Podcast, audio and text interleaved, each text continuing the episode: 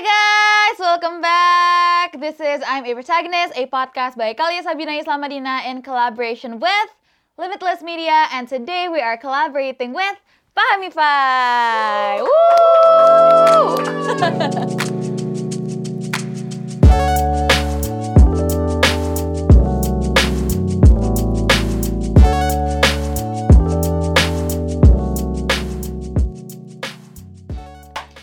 Yes, hi, hello, hula everyone. This is I'm a Protagonist, a podcast by me, Kalia Sabina Islamadina, as your host, in collaboration with Limitless Media, di mana platform ini, this podcast, bisa banget nih menjadi tempat curhat-curhat lolo semua, and talking about deep, interesting topics. Wow, I sound very professional just then because I can't freaking speak.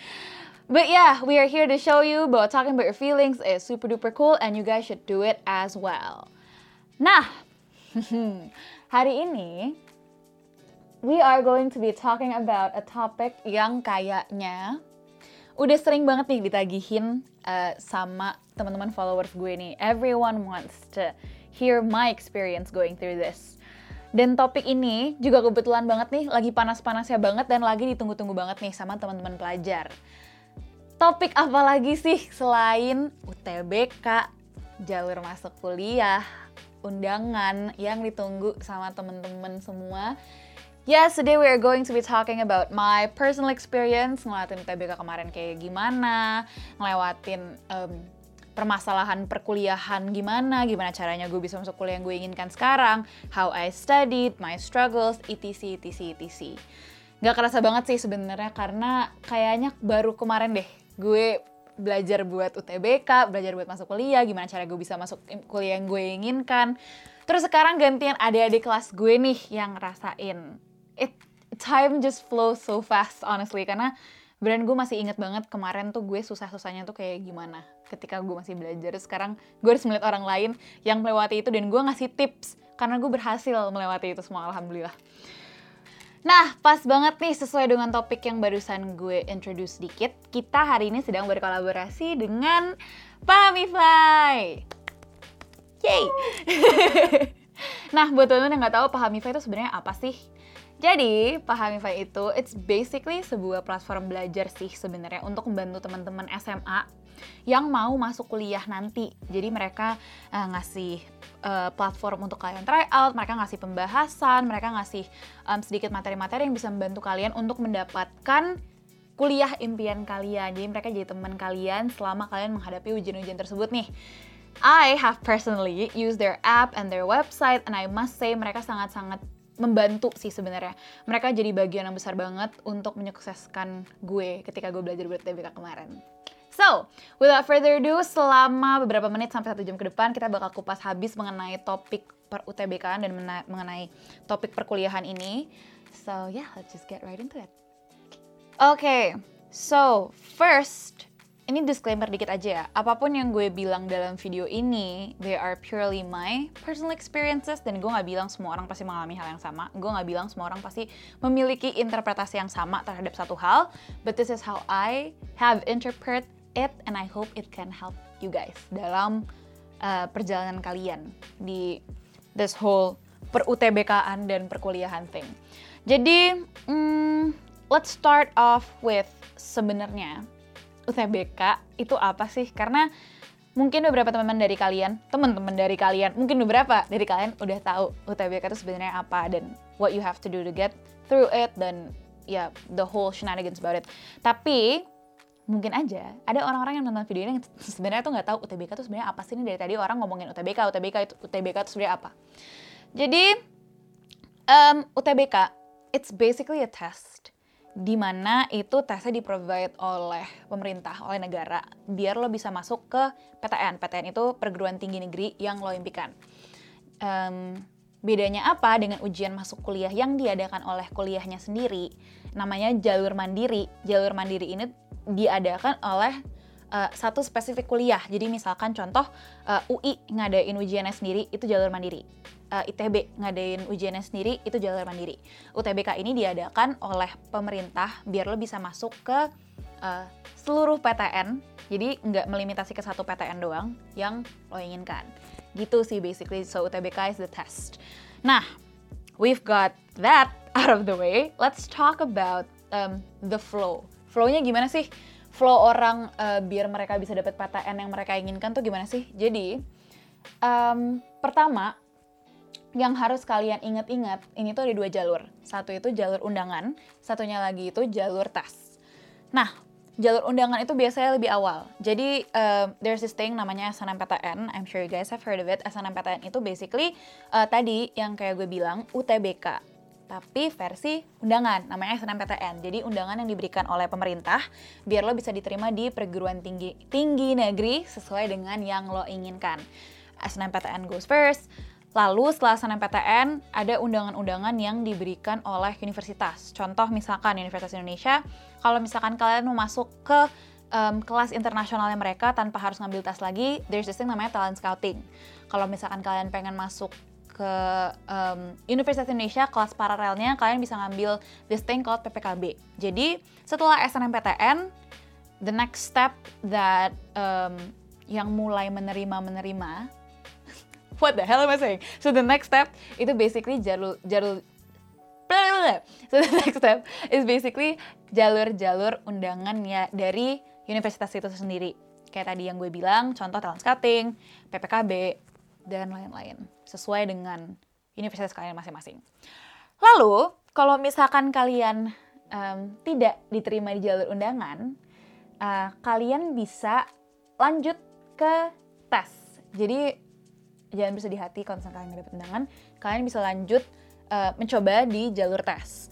Jadi biasanya itu at least kalau gue kemarin ya yang gue lewatin kemarin duluan itu tuh UTBK dulu baru ujian uh, jalur mandiri dari universitas-universitas. Jadi um, biasanya yang jalur tes ini tergantung dari universitas yang kalian apply juga UTBK-nya duluan, yang dari negaranya duluan, atau dari uh, universitas yang kalian inginkan duluan. Kalau misalkan gue kemarin tuh gue harus melewati UTBK dulu, baru gue melewati ujian-ujian mandiri gitu. Jadi that's basically the whole flow of it.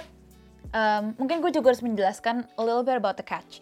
Kalau misalkan kalian mau masuk jalur undangan, kalian itu harus menjaga nilai kalian obviously dari dari SMA. Nilainya nggak boleh turun, nilainya harus bagus, nilainya harus um, masuk ke 40% dari uh, sekolah kalian. So, kalau misalkan kalian nggak dapat 40% tertinggi di angkatan kalian, kalian nggak punya jatah untuk mencoba mendaftar undangan. Again, gue ingetin ya, maksudnya ini bukan 40% yang fix keterima, tapi 40% ini memiliki kesempatan untuk mencoba. Gitu. Nanti masalah keterima atau enggaknya, again, kembali ke kebijakan dari universitasnya masing-masing. Gitu. Jadi, um, that's a little catch. Kalau misalkan kalian mau masuk lewat jalur undangan, make sure kalian menjaga nilai, make sure kalian masuk ranking, make sure um, kalian perbanyak sertifikat dan yang lain-lain, make sure nilai kalian gak turun. Gitu. Oke, okay, now tadi kita kan udah ngebahas dikit about the general stuff nih, about ya general stuff intinya UTBK dan perjalanan masuk kuliah itu kayak gimana dan yang lain-lain lah yeah, we've obviously talked about general stuff. Now, let's talk about my personal experience melewati ini semua. Dimulai dari cerita uh, mengenai gimana caranya gue bisa nggak dapet undangan and how I reacted to the whole thing. So, sebenarnya ini sih yang memulai perjalanan UTBK gue. Um, a little bit of a disclaimer, gue merupakan anak yang cukup memperhatikan nilai gue selama SMA. I definitely took care of my scores. I studied almost all the time. Gue ikut organisasi dan pengen dapet sertifikat juga karena biar gue bisa dapet undangan. Um, ya pokoknya gue sangat-sangat memperhatikan nilai gue deh pas SMA karena target gue adalah biar gue bisa dapet undangan gitu. Um, and I wasn't too worried actually karena um, kalau misalkan ngomongin nilai, alhamdulillah gue masuk 40%. Um, dan undangan yang gue inginkan sebenarnya itu juga bukan SNMPTN-nya. Undangan yang gue inginkan tuh talent scouting. Jadi seperti yang gue udah bilang tadi, uh, talent scouting tuh jalur undangan untuk UI Universitas Indonesia kelas internasionalnya. And I was really targeting that karena um, di tahun-tahun sebelumnya itu kakak-kakak gue Jadi tadi gue ngomongnya singkat-singkat ya. Kakak kelas, kakak kelas gue. Nah gitu. Kakak kelas, kakak kelas gue itu um, biasanya yang masuk lewat jalur scouting ini tuh banyak gitu. Kuotanya lumayan. Um, dan sekalinya dapet itu juga banyak gitu. Dan banyak yang nilainya mungkin nggak um, sebagus gue ketika gue di masa gue gitu. So I wasn't too worried gitu. I wasn't too worried. So seumur hidup gue, because of this, selama kelas 12 gue, gue nggak belajar TBK sama sekali. Dan itu jangan diikutin ya guys, itu sama sekali jangan diikutin karena um, apa ya, gue tuh udah sangat-sangat yakin. Tapi gue yakinnya juga di backup gitu loh, kayak gue bukan cuma yakin gara-gara um, gue nya doang, tapi everyone was so sure. My friends were sure, my parents were so sure. Um, guru-guru gue udah yakin banget, kakak-kakak gue udah yakin banget. Everyone around me was just like, oh nggak lo fix dapet talent scouting. Ya sudah. Datanglah uh, di hari di mana pengumuman-pengumuman undangan tuh udah mulai dilakukan gitu.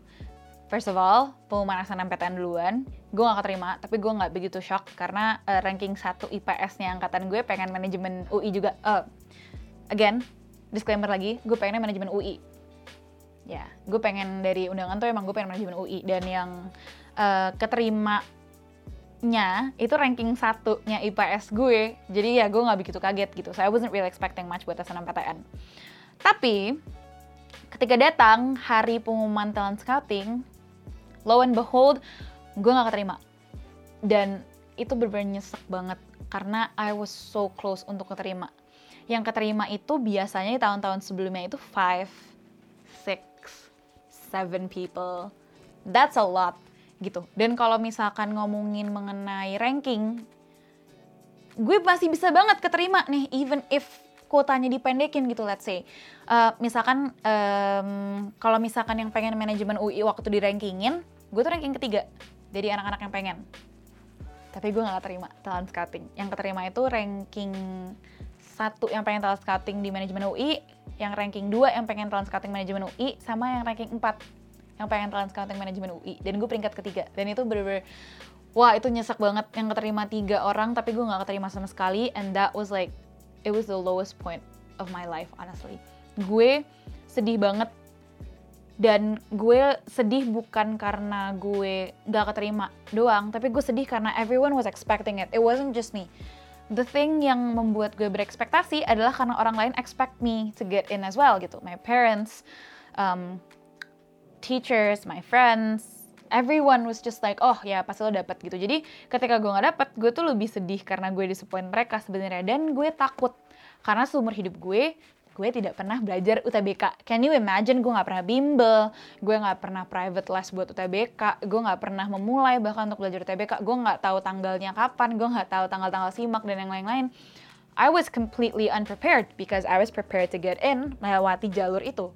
Dan ketika gue nggak dapet, that was like a big slap in the face sih buat gue. I cried the whole day. Di situ gue bener kayak, damn, what the hell am I going to do after this?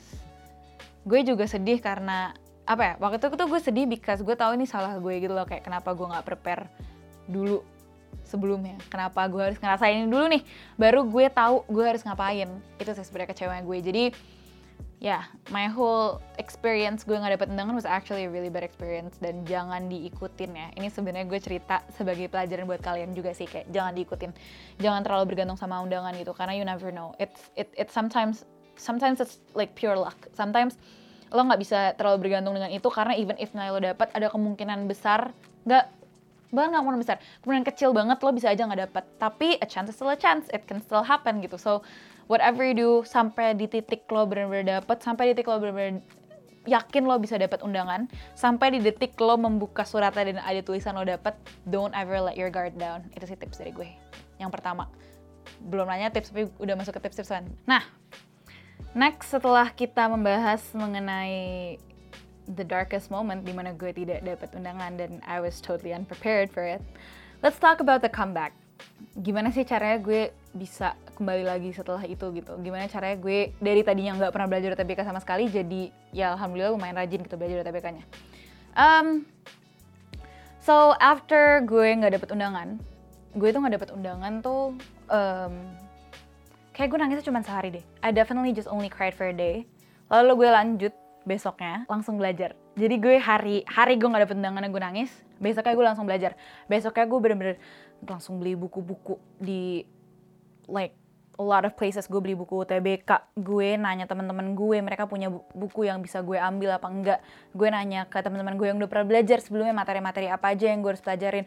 Gue langsung daftar TO dan yang lain-lain. I didn't even know why gue bisa langsung setermotivasi itu gue nggak take my time to be sad tapi gue udah langsung bangkit gue udah langsung udah nggak peduli lagi sama hasilnya gue langsung belajar. Tapi that's what I did gitu. Karena di saat itu hmm, pas gue nggak dapet undangannya, my thought process was if I spend any more time crying and regretting over my decisions yang udah gue lewati dulu, gue nggak bakal bisa maju gitu. Daripada gue spend that time regretting, mendingan gue spend that time studying gitu. Karena gue udah gak pernah belajar sebelumnya, kalau gue spend my time nangis lagi nih, waktu gue buat belajar makin pendek. So that's what I did. I changed my mindset completely. The next day I studied as hard as I could. Gue langsung TO, gue langsung belajar UTBK, gue langsung beli buku, segala macem gitu-gitu. And I guess that was that was my comeback sih di situ. Sekarang gue terlihat seperti gue sering ngisi planner dan gue same organized bla bla. Tapi gue sebenarnya nggak kayak gitu dulu. Yang membuat gue jadi kayak gitu ya karena UTBK gitu. Karena gue udah totally mengubah mindset gue dan gue bener langsung kayak termotivasi untuk serius gitu menghadapi ini semua. Gue langsung ngedate tanggalnya, tanggal UTBK, tanggal ujian mandiri gitu-gitu di planner gue. Gue langsung mastiin bahwa I had like the right materials for it. Gue langsung ngebook guru les untuk um, belajar materi-materi UTBK dan sebagainya. And yeah, I just suddenly like from zero to 100, I became that motivated. Oke, okay, so tadi kita udah ngomongin mengenai the comeback. Gimana sih setelah gue nggak dapet undangan itu, terus gimana gue memulainya. Now let's talk about the downside. Nah, mungkin sebelum mulai downside-nya ini, gue bisa cerita sedikit mengenai gaya belajar gue itu sebenarnya kayak gimana sih.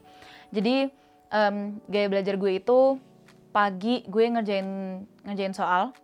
Pagi gue ngerjain soal soal-soal dari buku. I had this book that I used. Dan karena tahun lalu uh, angkatan gue itu ujiannya cuma TPS doang I didn't have that much materials to study on. Jadi gue um, belajar soal soal umum dari berarti kan ada empat materi itu ada PPU membaca dan menulis habis itu ada pengetahuan kuantitatif habis itu ada PU atau pengetahuan umum I studied all that gue ngerjain soalnya masing dari masing-masing materi satu paket satu paket satu paket satu paket.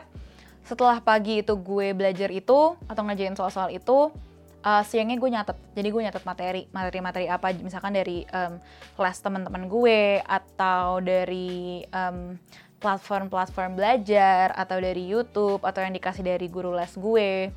Gue nyatet sore ke malam gue ngerjain soal lagi malam banget gue try out. So that was basically the cycle that I had to go through.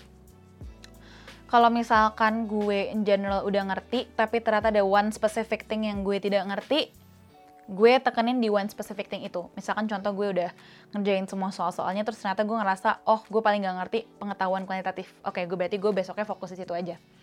That was basically the whole cycle. Um, now the downside. The downside-nya tuh di mana sih? The downside-nya itu ketika Lebaran. Jadi, pas Lebaran, I decided to take a break. Gue memutuskan untuk, oh ya udah, um, kayaknya waktu yang bagus nih kalau misalkan gue istirahat.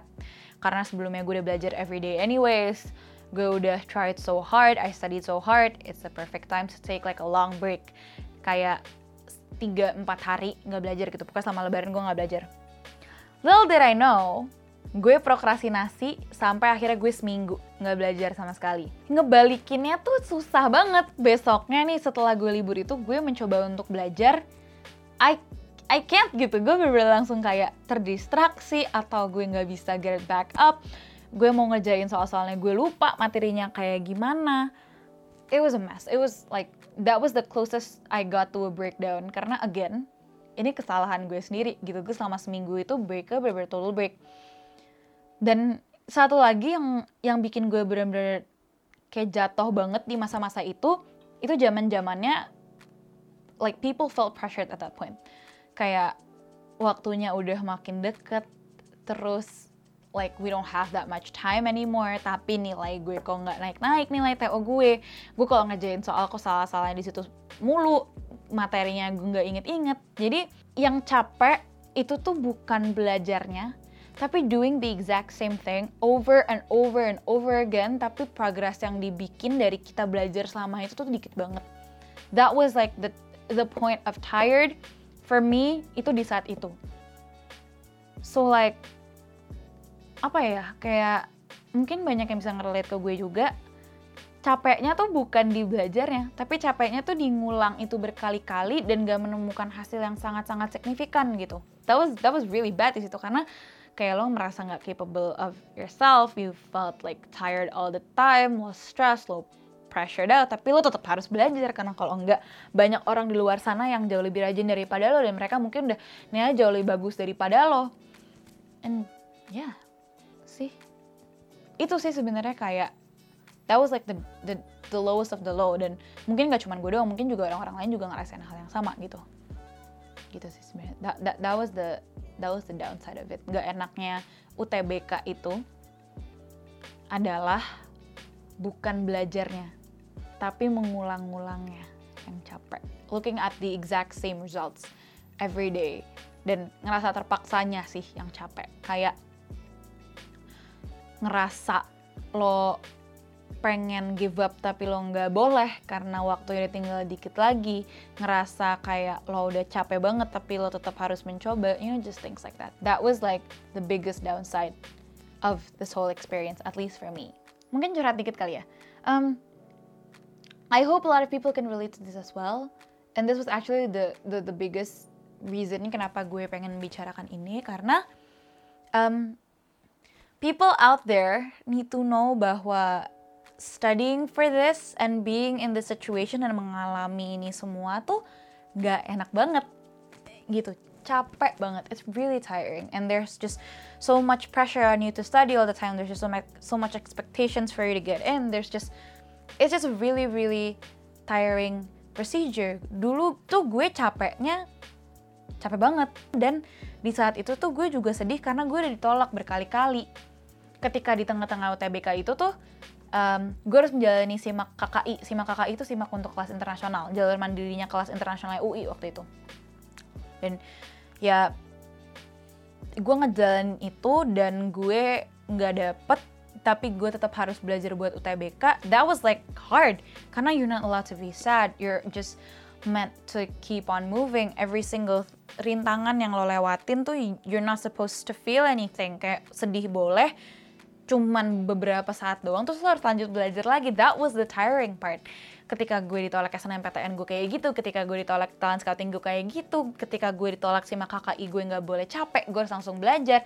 Etc etc etc that was like the the hard part karena you're not allowed to feel the feelings that you usually feel. You're not allowed to feel sad you're not allowed to feel tired even if you do, ya konsekuensi lo sendiri. Mungkin banyak orang di luar sana yang pas lo lagi capek malah mereka makin rajin. That was the constant thing going on in your head dan capek banget aja sih. Now, tadi gue udah cerita mengenai gak enak gak enaknya nih. Dan gue juga udah cerita sedikit mengenai why this thing is really hard. Not just for me, but also for other people as well. Let's talk about some things that helped. Some things that help di antaranya itu ada hmm, taking breaks, but like little breaks, little needed breaks, contoh kayak 15 menit, 20 menit, 1 jam di antara belajar. Those really help dan menurut gue itu sangat-sangat penting karena there's a difference between letting your brain rest biar the next time lo bisa belajar secara optimal lagi sama bertele-tele. Breaks itu dibutuhkan untuk yang pertama, untuk ngeres otak lo biar nanti lo bisa belajar kembali dengan optimal lagi. That was one thing that helped. Um, the next thing that helped adalah um, find something yang membuat lo ingin belajar. Itu sih, kayak we all know that studying tuh sama sekali nggak enak. Capek banget, nggak ngenakin banget. Honestly, same. Tapi ketika lo mengubah mindset lo ke I like studying dan lo menemukan hal yang memotivasi lo untuk belajar, that helps. Kalau dulu, dulu gue um, setiap kali gue mau belajar, itu gue harus nonton video-videonya Maudi Ayunda sama Mbak Najwa Shihab. Itu bener-bener langsung, gue I, ha I had to watch that every time I wanted to study, biar gue termotivasi untuk belajar. I usually watch her videos yang, uh, Maudi Ayunda's videos yang um, her life at Oxford, terus gue jadi kepikiran gimana ya kalau misalkan nanti gue punya kesempatan untuk bikin kayak gitu tapi my life at UI itu gue itu yang motivasi gue everyday so try to find something that motivates you dan mau membuat lo untuk belajar. Yang ketiga uh, the things that helped banget adalah tahu hal yang membantu lo belajar. Jadi kayak cara belajar yang baik untuk lo itu seperti apa? Apa kalau anaknya belajarnya harus nyatet kah? Atau lo anaknya belajarnya harus baca kah? Apa kalau anaknya belajarnya harus dengerin doang lo udah bisa kah? Dan yang lain-lain. So knowing what works well for you when you study is very very important. Karena bisa aja lo selama ini lo bisa lo belajar sering tapi ternyata cara belajarnya tuh nggak sesuai sama lo harusnya lo nulis tapi lo cuma dengerin doang harus lo dengerin doang aja udah bisa tapi lo menyusahkan dan lo malah like putting so much weight on yourself dengan lo nulis ulang lagi. You need to find something yang bener cocok untuk lo. Itu. So don't just study hard. That's something that I always remember. Don't just study hard tapi study smart. Take breaks. Um, know what works well for you belajar sesuai dengan materi-materi yang biasanya keluar di tahun-tahun sebelumnya ya itu yang difokusin fokusin ke yang apa apa yang biasanya lo nggak bisa. That's studying smart and not just studying hard. So itu sih sebenarnya. Take breaks um, find what motivates you cari cara belajar yang baik untuk lo sama surround yourself with like people who always support you sih. Karena ketika kemarin gue belajar UTBK alhamdulillahnya gue selalu disurround oleh orang-orang yang give me so much love and help gitu like my parents my friends everyone around me they were just so supportive. And gue nggak bisa ngebayangin gimana kemarin gue melewati itu semua kalau orang tua gue atau teman-teman gue atau lingkungan gue tuh nggak supportive. So surround yourself dengan orang-orang yang supportive. Itu sih. Sama yang terakhir jangan pernah takut um, belajar dari banyak sumber jadi find what's credible gitu. Belajar dari sumber A, belajar dari sumber B, belajar dari sumber C, belajar dari sumber D. Jangan pernah takut untuk um, tahu apa sih sumber belajar yang paling tepat untuk gue, yang masuk paling bener untuk gue, yang paling bener buat nanti gue pakai buat UTBK itu tuh apa? Gitu. Jadi those five sih sebenarnya yang penting banget. So like take breaks, don't forget to take breaks always feel motivated, find something that can make you always feel motivated, cari orang-orang yang support lo, cari cara belajar yang baik dan paling efektif untuk lo, dan jangan pernah capek untuk mencari dari sumber yang paling benar, karena learning is endless, dan banyak sumber yang berkata hal yang berbeda-beda, so your um, duty is to find what is right for you, sama... Um, it's apa ya? You are allowed to feel sad and upset and tired because no one said it was easy. It's a hard journey. Tapi ingat untuk bangkitnya setelah itu nggak boleh bertele-tele sih. Nah, one thing that has really helped me adalah Pahamify. And I know this video is like sponsored by them, tapi I honestly use their app and their website a lot selama kemarin gue belajar buat UTBK dan jalur dan ujian jalur mandiri lainnya gitu they have helped me so much. Gue paling sering try out di mereka. Mereka merupakan platform yang sangat membantu gue karena gue juga paling sering belajar dari mereka juga. Gue waktu itu um, ambil psikotes juga dari Pahamify dan menurut gue ketika kemarin gue pakai Pahamify sebagai salah satu platform belajar gue untuk UTBK dan jalur mandiri lainnya, gue tuh merasa makin termotivasi lagi gitu loh buat belajar karena um, let's say nih misalkan gue um, dapat nilai tryout yang jelek dan biasanya orang-orang tuh malah jadi sedih gitu dan ya you feel upset after that. Mereka malah bikin gue mulai termotivasi lagi karena sistem rasionalisasinya yang bagus. They tell me where I can improve. They tell me what I've done right. They tell me what I've done wrong and ya gue malah jadi termotivasi gitu. Gimana sih caranya next time gue bisa ace this? Soal-soal mereka juga enak banget buat dipakai untuk belajar ke depannya seperti apa. Dan selain dari because Pahamify ini membantu gue dengan cara provide platform untuk try out provide platform untuk um, materi-materi untuk ngasih gue bahan belajar, mereka juga provide um, video-video motivasi atau tips. Yang sebenarnya itu salah satu hal yang penting banget sih. Karena selain dari mereka nyuruh kita untuk belajar mereka juga memotivasi kita gimana caranya kita nggak suntuk gitu untuk belajar. There is this one motivation video yang gue tonton. Ini videonya dari Kak Fikrinya sendiri. Kak Fikri itu foundernya Pahamify namanya belajar cara belajar. This video has helped me untuk mengerti bahwa lo harus punya cara belajar lo sendiri. Lo harus tahu cara belajar yang paling efektif buat lo tuh apa itu sih kenapa itu membantu banget buat gue karena menurut gue itu penting banget cara tahu cara belajar kita and yeah that was basically why Pahamify has helped me so much sih mereka udah ngasih platform belajar yang baik, mereka ngasih platform tryout yang baik, mereka ngasih platform ngasih materi yang baik, tapi mereka juga memotivasi kita gitu biar kita mau terus belajar dan gak cepet give up selama UTBK ini. So they have genuinely menjadi teman gue selama kemarin gue belajar buat UTBK. And so yeah, dengan tadi perjalanan gue udah ngerasain gak enak gak enaknya belajar UTBK gimana dengan gue sempet down dengan gue sempet ngelewatin sakit-sakit dengan gue sempet apa ya kayak going back up terus turun lagi very very fluktuatif. Dan setelah gue ditolak empat kali sama UI di jurusan yang sama alhamdulillah akhirnya gue keterima. Alhamdulillah banget ya Allah akhirnya gue keterima um, Universitas Indonesia jurusan manajemen. Yeay, lewat jalur simak reguler. So, ya di situ gue udah nggak expect sama apa-apa sama sekali loh. Karena gue udah ditolak SNMPTN, gue ditolak talent scouting, gue ditolak UTBK dan UTBK juga nyaris. Gue ditolak UTBK, terus gue ditolak simak KKI. Terus gue alhamdulillah ketika gue um, ngelihat pengumuman simak reguler gue itu tuh gue udah nggak expect apa-apa. Gue udah bener kayak oh ya udah mungkin emang bukan jalannya. Dan alhamdulillah gue juga udah punya universitas cadangan waktu itu. So I thought that oh mungkin emang jodoh gue di universitas cadangan gue itu.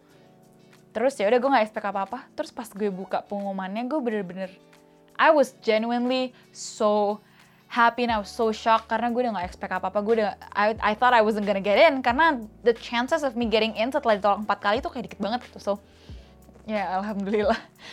So yeah just remember bahwa hard work never kayak itu nggak bakal mengkhianati hasil sih sama sekali. Kalau berusaha and if it's meant for you, pasti lo akan mendapatkan hasil paling manis gitu. Even if itu nggak sesuai dengan apa yang lo inginkan, pasti lo akan mendapatkan hasil yang bisa jauh lebih baik dan atau sesuai dengan hard work yang telah lo put in tadi. So, ya.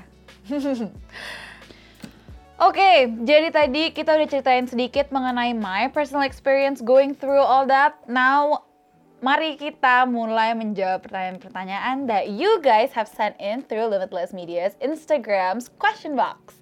Thank you banget buat teman-teman yang udah mau ninggalin pertanyaan-pertanyaan di question box-nya. Limitless Media pasti akan meninggalkan question box setiap dua minggu sekali untuk episode berikutnya. So make sure you follow our Instagram and subscribe to our YouTube channel biar nggak pernah ketinggalan update-update info apa pun. Nah, let's just get right into the questions. Um, number one, itu ada yang nanya, gimana sih caranya kita memiliki manajemen waktu yang baik biar kita nggak usah sampai begadang? Hmm. hmm, gimana caranya? Gimana caranya? Masalahnya gue tuh begadang, jadi I don't really know um, like how to give you tips. Tapi menurut gue manajemen waktu yang baik itu dimulai dengan lo tahu lo harus ngapain. So at least for me, I plan out what I have to do in a day. Jadi kayak misalkan um, jam segini sampai jam segini gue maunya gini, jam segini sampai jam segini gue harus ngelakuin ini, jam segini sampai jam segini gue harus ngelakuin ini. Dan yang lain-lain. Because then dengan gue tahu gue harus melakukan apa dalam sehari, gue jadi bisa ngebagi waktu gue dengan, dengan baik gitu. I don't have time to procrastinate. Karena ya I basically already know what I should do. So ya itu sih plan out what you're going to do in a day. Karena waktu itu cuma sedikit cuma 24 jam dalam sehari. So make sure you know what to do in a day. Um, dan yang kedua just get your priorities straight aja sih. Kayak um, lebih milih yang mana nih? Nonton seharian atau belajar ya udah terserah lo kalau misalnya lo mau nonton seharian. Tapi ketika lo nonton seharian itu ketika lo don't spend your time doing the things that you're supposed to do some people might be doing that thing better than you are. Dan kesempatan mereka untuk mendapatkan apa yang mereka inginkan itu jauh lebih tinggi daripada lo gitu. So get your priorities straight know what you have to do and yeah, itu sih dan menurut gue um, leave time for breaks juga karena menurut gue breaks itu sangat-sangat penting. Again seperti yang tadi gue udah bilang tadi, breaks itu bukan berarti lo bertele-tele biar lo nggak usah melakukan hal itu tuh. Break breaks are usually um, made biar lo bisa mengerjakan hal itu berikutnya lebih optimum lagi gitu. So like get rest, get get rest, get rest for your brain biar otak lo nggak terlalu capek. Gitu sih sebenarnya. Just get rest plan what you have to do in a day, sama get your priorities straight. Oke, okay, third question. Ini ada yang nanya, kalau misalkan ketemu soal susah, dan tapi masih nggak ngerti caranya gimana setelah itu, itu gimana? um, coba dimengerti. Jadi, menurut gue kalau misalkan lo ketemu soal susah, tapi lo emang udah mencoba banget nih nyari caranya, tapi ternyata nggak ketemu-ketemu, still try. At least try to find something that's close to that. Dan ini tips dari gue, kalau misalkan soalnya pilihan ganda uh, dan itu belum saat ujian, coba lo cari jawabannya satu-satu. Mereka ada korelasinya nggak dengan soalnya. Itu sih kalau misalkan dari gue. Tapi kalau misalkan lo udah waktu ujian nih, udah bukan di saat belajar, tapi udah waktu ujian, dan lo dihadapi dengan soal yang susah, um, dan lo sampai detik terakhir tapi lo masih nggak ngerti caranya, udah itu like either jawab ngasal atau biarin aja. Kalau simak lebih baik uh, dibiarin aja karena kalau simak itu kalau lo jawabnya salah itu udah minus point atau di angkatan gue. Uh, tapi kalau misalkan uh, eh, UTBK, I think it's better for you to just jawab apa aja. Pokoknya intinya adalah don't think too much about the soal karena bisa aja tuh jadi soal pengecoh gitu bisa aja emang soal itu ditaruh saking susahnya biar lo kepikiran gitu sama soal soal itu dan jadi lo kehabisan waktu biar di soal-soal berikutnya yang sebenarnya lo bisa, lo jadi nggak kedapetan waktunya. So, menurut gue kalau ada soal susah, di skip dulu, and then go back to that ketika lo udah berhasil menjawab semua soal-soal yang lo udah ngerti. Karena um, ngapain lo fokus terhadap satu soal yang belum tentu lo bisa jawab, sedangkan ada soal-soal lain yang lo pasti udah bisa jawab. So, yeah, that's the tip for me. So like, kalau udah ketemu soal susah, udah diemin aja dulu sampai titik terakhir. Kalau lo emang masih nggak ngerti, jangan terlalu kepikiran karena itu satu dibanding beberapa soal lainnya. Oke, okay, next question. Ini ada yang nanya, Kak, gimana sih cara efektif belajar untuk kakak Lia? Oke, okay, so ini gue cerita berarti cara belajar yang efektif buat gue gimana ya? Gue itu anaknya harus banget nyatet. I have to write down every single little thing that I memorize. Itu cara gue mengingat. Cara gue membaca itu kayak gitu. Jadi selagi gue membaca nih, up, uh, like like a textbook or like I listen to a video, gue itu menulis tuh sambil menghafal. Jadi ketika nanti gue udah selesai nyatet tuh gue nggak perlu ngafal lagi cause it's already recorded in my brain. Last question untuk pertanyaan terakhir. Seberapa berpengaruhnya pahami vibe buat kakak Lia honestly mereka sangat-sangat berpengaruh karena dulu tuh gue inget banget um, ada satu momen di mana gue tuh try out dari pahami vibe doang. Biasanya tuh gue try out dari berbagai platform. Gue tuh suka try out dari ya bermacam-macam platform lah dan lumayan sering gitu. Tapi semenjak gue try out dari Pahamify gue cuma try out dari Pahamify doang. Karena apa ya kayak enak gitu pembahasannya jelas. Terus um, soal-soalnya juga pas gitu untuk kayak untuk kita belajar soal-soalnya nggak terlalu susah soal-soalnya nggak terlalu mudah. It really helps us study. Um, Terus mereka juga ada sistem rasionalisasi, itu sih yang gue paling suka. Jadi mereka itu ketika nanti nilainya udah keluar, they rationalize your score sesuai dengan jurusan dan kuliah yang lo inginkan. Jadi lo udah tahu nih dari awal, lo punya kesempatan masuk ke jurusan kuliah itu segi, seberapa persen sih kayak kayak segimana gitu.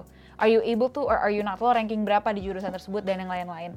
And I think itu membantu banget karena instead of just nilai gue keluar terus gue harus ngitung-ngitung sendiri kira-kira gue bisa masuk ke jurusan itu apa enggak, mereka udah langsung ngasih tahuin gue gitu. Video-video belajar yang mereka kasih itu juga enak banget dan nyaman banget buat dipakai dan penjelasannya juga jelas gitu. Jadi gue selain dari try, pakai platform mereka buat try out, gue juga pakai platform mereka buat belajar. That ends this episode for I'm a Protagonist. Jangan lupa untuk follow Instagram gue, untuk follow Instagramnya Limitless, because we give out a lot of information about this podcast. We also open question box setiap dua minggu sekali. Jadi kalau misalnya kalian mau leave questions, leave requests, anything you guys want, bisa banget di leave di question box tersebut. Jangan lupa juga buat subscribe ke YouTube channelnya Limitless. Don't forget to leave this video to blah, blah, blah. I can't speak. This is the ending. But don't forget to leave a like on this video and don't forget to submit your comments juga. We are very thankful for you guys kalau misalkan kalian mau give your feedback. Um, don't forget to, you know, keep updated on Spotify juga. So, and that's basically it, guys. Thank you so much. This is I'm a Protagonist, a podcast by Kalia Sabina Islamadina in collaboration with Limitless Media. And this video is sponsored by Pahamify. Thank you so much, guys. See you guys in the next episode. Goodbye.